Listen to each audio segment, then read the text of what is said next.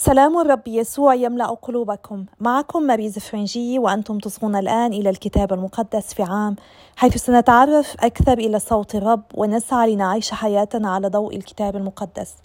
لقد وصلنا إلى اليوم الثالث والسبعون ونحن مستمرون بإذن الله نكتشف قصة الخلاص وأين نحن فيها من خلال قراءتنا من سفر التكوين حتى سفر الرؤيا.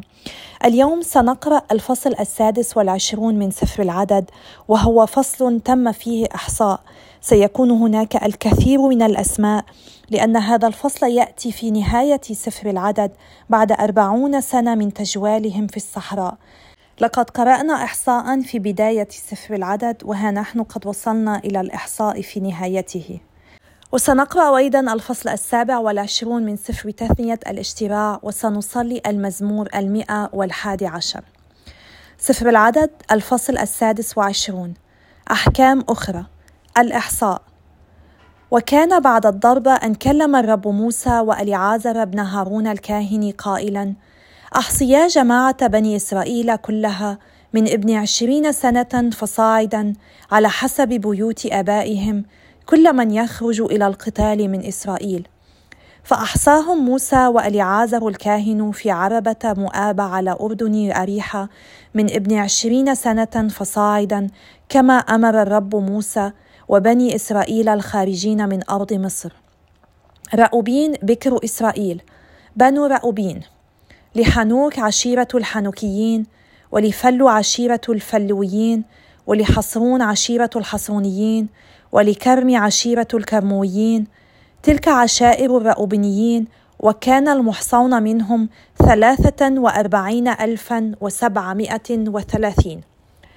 وابن فلو الياب وبنو ألياب نموئيل وداثان وأبيرام وهما داثان وأبيرام اللذان كانا من أعيان الجماعة وهما اللذان تمردا على موسى وهارون وكانا من جماعة قورح حين تمردوا على الرب ففتحت الأرض فاها وابتلعتهما مع قورح حين مات القوم وأكلت النار الرجال المئتين والخمسين فصاروا عبرة. وأما بنو قورح فلم يموتوا. وبنو شمعون بحسب عشائرهم لنموئيل عشيرة النموئيليين وليمين عشيرة اليامينيين ولياكين عشيرة الياكينيين ولزارح عشيرة الزارحيين ولشاول عشيرة الشاوليين تلك عشائر الشمعونيين اثنان وعشرون ألفا ومئتان.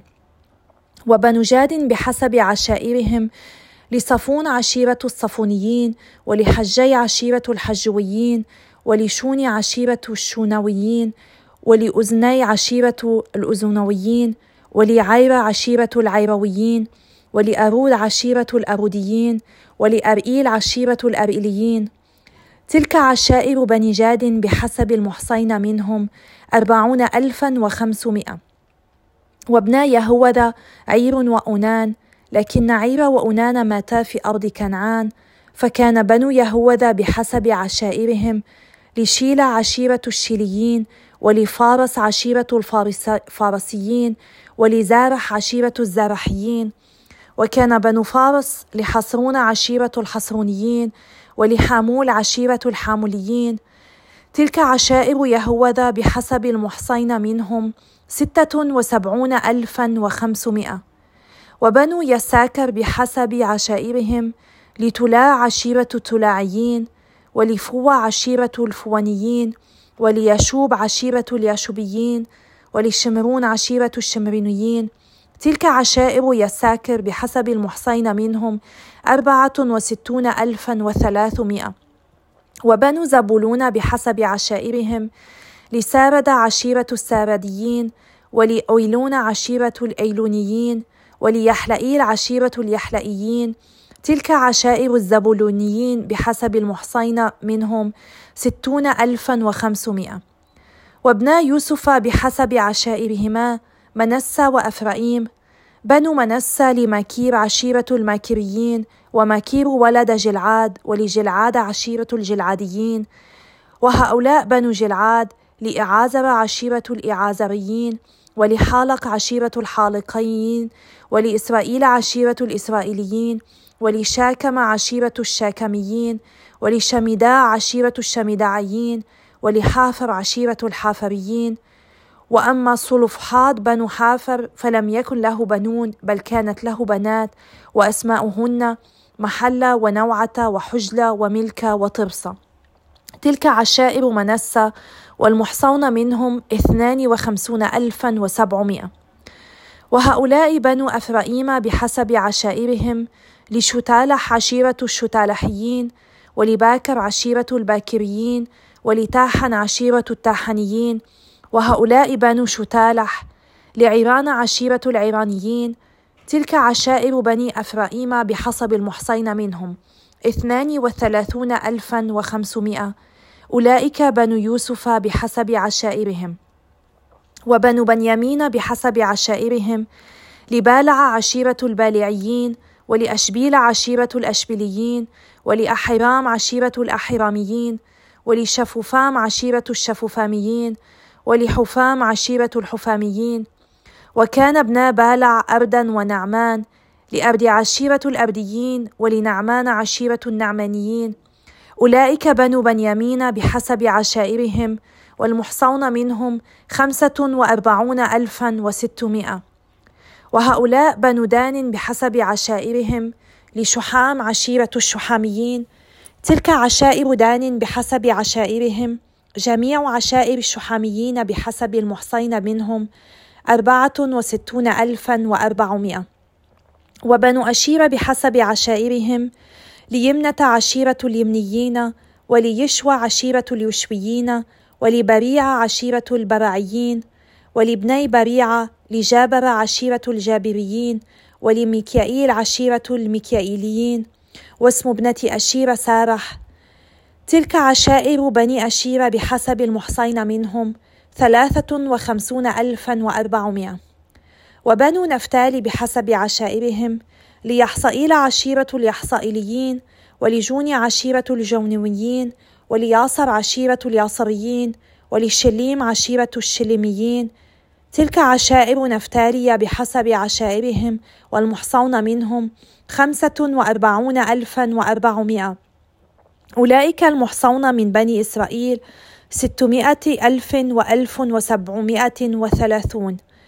وكلم الرب موسى قائلا لهؤلاء تقسم الأرض ميراثا على عدد أسمائهم الكثير تكثر له ميراثه والقليل تقلله له. كل على قدر المحصين منه يؤتى ميراثه. بالقرعه فقط تقسم الأرض وبحسب أسماء اسباط آبائهم يرثون. بحسب القرعه يقسم الميراث بين الكثير والقليل. إحصاء اللاويين. وهؤلاء هم المحصون من اللاويين بحسب عشائرهم لجرشون عشيرة الجرشونيين ولقهات عشيرة القهاطيين ولمرار عشيرة المراريين. تلك عشائر لاوي عشيرة اللبنويين وعشيرة الحبرونيين وعشيرة المحلويين وعشيرة الموشويين وعشيرة القورحيين وقهات ولد عمرام وكان اسم امرأة عمرام يكابد بنت لاوي التي ولدت للاوية بمصر فولدت لعمرام هارون وموسى ومريم أختهما وولد لهارون ناداب وأبيه ولعازر وإثمار ومات ناداب وأبيه حين قربا نارا غير شرعية أمام الرب. فكان المحصون منهم ثلاثة وعشرين ألفا كل ذكر من ابن شهر فصاعدا. ذلك بأنهم لم يحصوا في جملة بني إسرائيل لأنهم لم يعطوا ميراثا بين بني إسرائيل.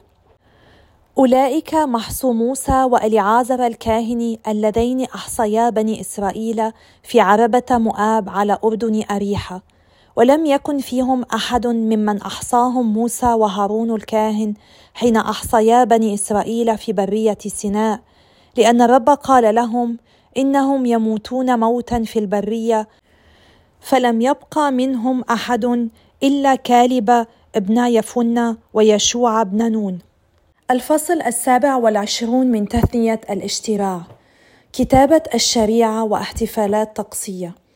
وأمر موسى وشيوخ إسرائيل الشعب قائلين أحفظ كل الوصية التي أنا آمركم بها اليوم. يوم عبوركم الأردن إلى الأرض التي يعطيك الرب إلهك إياها. تنصب لك حجارة عظيمة وتطليها بالكلس.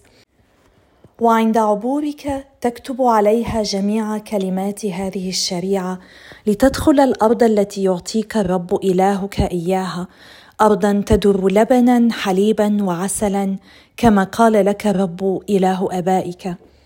فإذا عبرتم الأردن تنصبون هذه الحجارة التي أنا آمركم بنصبها اليوم على جبل جريزيم وتطلونها بالكلس وتبني هناك مذبحا للرب إلهك مذبحا من الحجارة لم ترفع عليها حديدا.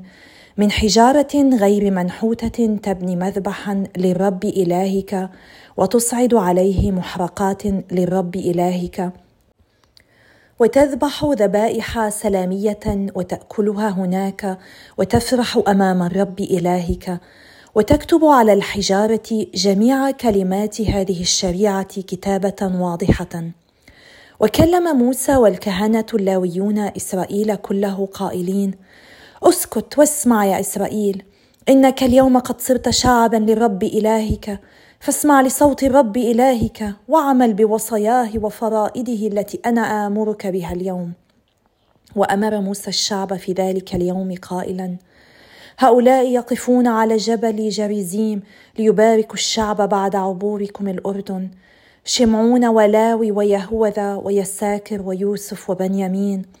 وهؤلاء يقفون على الجبل عيبال للعنه رأوبين وجاد وأشير وزبولون ودان ونفتالي فيتكلم اللاويون ويقولون لكل رجل في إسرائيل بصوت عال ملعون الرجل الذي يصنع تمثالا أو صورة مسبوكة قبيحة لدى الرب صنع يد النحات ويضعه في الخفاء فيجيب الشعب ويقول آمين ملعون المحتقر أباه وأمه فيقول جميع الشعب آمين. ملعون من ينقل حدود قريبه فيقول جميع الشعب آمين.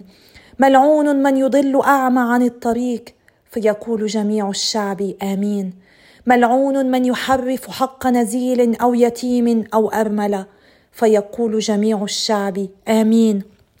ملعون من يضاجع امرأة أبيه لأنه ينزع ذيل رداء أبيه فيقول جميع الشعب آمين. ملعون من يضاجع أية بهيمة فيقول جميع الشعب آمين. ملعون من يضاجع أخته ابنة أبيه أو ابنة أمه فيقول جميع الشعب آمين. ملعون من يضاجع حماته فيقول جميع الشعب آمين. ملعون من يضرب قريبه في الخفاء فيقول جميع الشعوب آمين. ملعون من يأخذ رشوة ليقتل دما بريئا فيقول جميع الشعب آمين. ملعون من لا يحفظ كلمات هذه الشريعة غير عامل بها فيقول جميع الشعب آمين. المزمور المئة وحادي عشر. هللويا أحمد الرب بكل قلبي في مجلس المستقيمين وفي الجماعة. أعمال الرب عظيمة يبحث فيها كل من يهواها. صنعه بهاء وجلال وبره يدوم للأبد. أقام لعجائبه ذكرا. الرب رؤوف رحيم. أعطى الذين يتقونه طعاما. ذكر مدى الدهر عهده. أظهر لشعبه قوة أعماله. فأعطاه ميراث الأمم. بر وحق أعمال يديه. أوامره أمينة كلها ثابتة مدى الدهر وللأبد مقضية بالحق والاستقامة. أرسل الفداء لشعبه اوصى للابد بعهده. اسمه قدوس رهيب رأس الحكمة مخافة الرب حسن الفطنة لمن يعملون بها تسبحته للأبد تدوم. يا ابانا السماوي إننا نشكرك نمجدك نسبحك. نريد يا رب أن نقدم لك تسبحتنا أن نقدم لك قلوبنا أن نقدم لك كل شيء بالطريقة الأفضل. أنت الذي تستحق كل شيء. نريد يا رب أن نحبك أن نظهر لك حبنا بعبادتنا لك بطاعتنا لوصاياك بحبنا وأعتنائنا بإخوتنا. أنت أعطنا يا رب النعمة لكي نقوم بذلك بكل أمانة وكل محبة وفرح. اعطنا أن نكون شعبا يحبك. بكل ما يملك وكل ما هو له شعبا ينتمي إليك. بكل معنى الكلمة باسم يسوع نصلي آمين. باسم الآب والابن والروح القدس الإله الواحد آمين. سمعنا ارقاما كثيرة واسماء كثيرة اليوم لأن الإحصاء الثاني للشعب العبراني تم. الأول كان قد حصل منذ حوالي أربعين سنة عند بداية خروجهم إلى برية سيناء وقد ذكرناه في بداية سفر العدد. ونحن نعلم أن الجيل القديم قد مات في البرية ولذلك لزم إجراء إحصاء آخر لهذا الجيل الجديد الذي كان يوشك أن يدخل أرض كنعان. وقد ظهر تغيير طفيف في العدد بشكل عام حوالي ألفي رجل. كان ضروريا حصر المجندين للحرب قبل أن يغزوا أرض كنعان. لذلك نحن أيضا علينا أن نتعلم من ذلك كيف أنه علينا دائما أن نستعد علينا أن نعد نفسنا للحرب الروحية أن نضبط حواسنا أن نتسلح بأسلحة الروح التي هي الصلاة الكتاب المقدس الصوم الاسرار المقدسة اسرار الكنيسة التي تضمن لنا النصره مهما تحايل علينا الشرير لإهلاكنا. سمعنا أيضا اليوم عن طريقة تقسيم الأرض. اولا بالرغم من أن موسى نفسه لن يقسم الأرض بل خليفته وتلميذه يشوع نرى أن الله يوجه حديثه لموسى لأن موسى لا زال قائد الشعب. وطريقة التقسيم التي أوضحها الله لموسى تكون بحسب الأعداد. يتم تقسيمها وفقا لعدد كل سبط تحصل الأسباط الأكبر على ميراث أكبر بينما تحصل الأسباط الأصغر على ميراث أصغر. يعني أن السبط الذي له عدد أكبر من الذكور يملك نصيبا أكبر. والعكس صحيح. ونلاحظ من خلال ذلك حكمة الله في هذا التصرف حتى يعطي كل فرد في النهاية نصيبا متساويا. وقد قرأنا مجددا أن سبط لاوي لا ينال ميراثا لانهم مكلفون بخدمة الرب في العبادة. الله نفسه هو ميراثهم. وسيعيش اللاويون في المدن ويؤدون العبادة في المكان الذي أسسه الله. هم سيقضون العبادة في الهيكل في بيت تابوت العهد في خيمة الموعد. في سفر تثنية الاشتراع قرأنا اليوم عن سلسلة لعنات غدا سنقرأ عن البركات بركات الطاعة. وقد كانت هذه اللعنات سلسلة من أقسام يرددها الكهنة ويتعهد الشعب بالابتعاد عن الأفعال الخاطئة. لم يكن الشعب فقط يستمعون للشرائع بل كانوا يجيبون بالقول آمين مما يعني ليكن هكذا.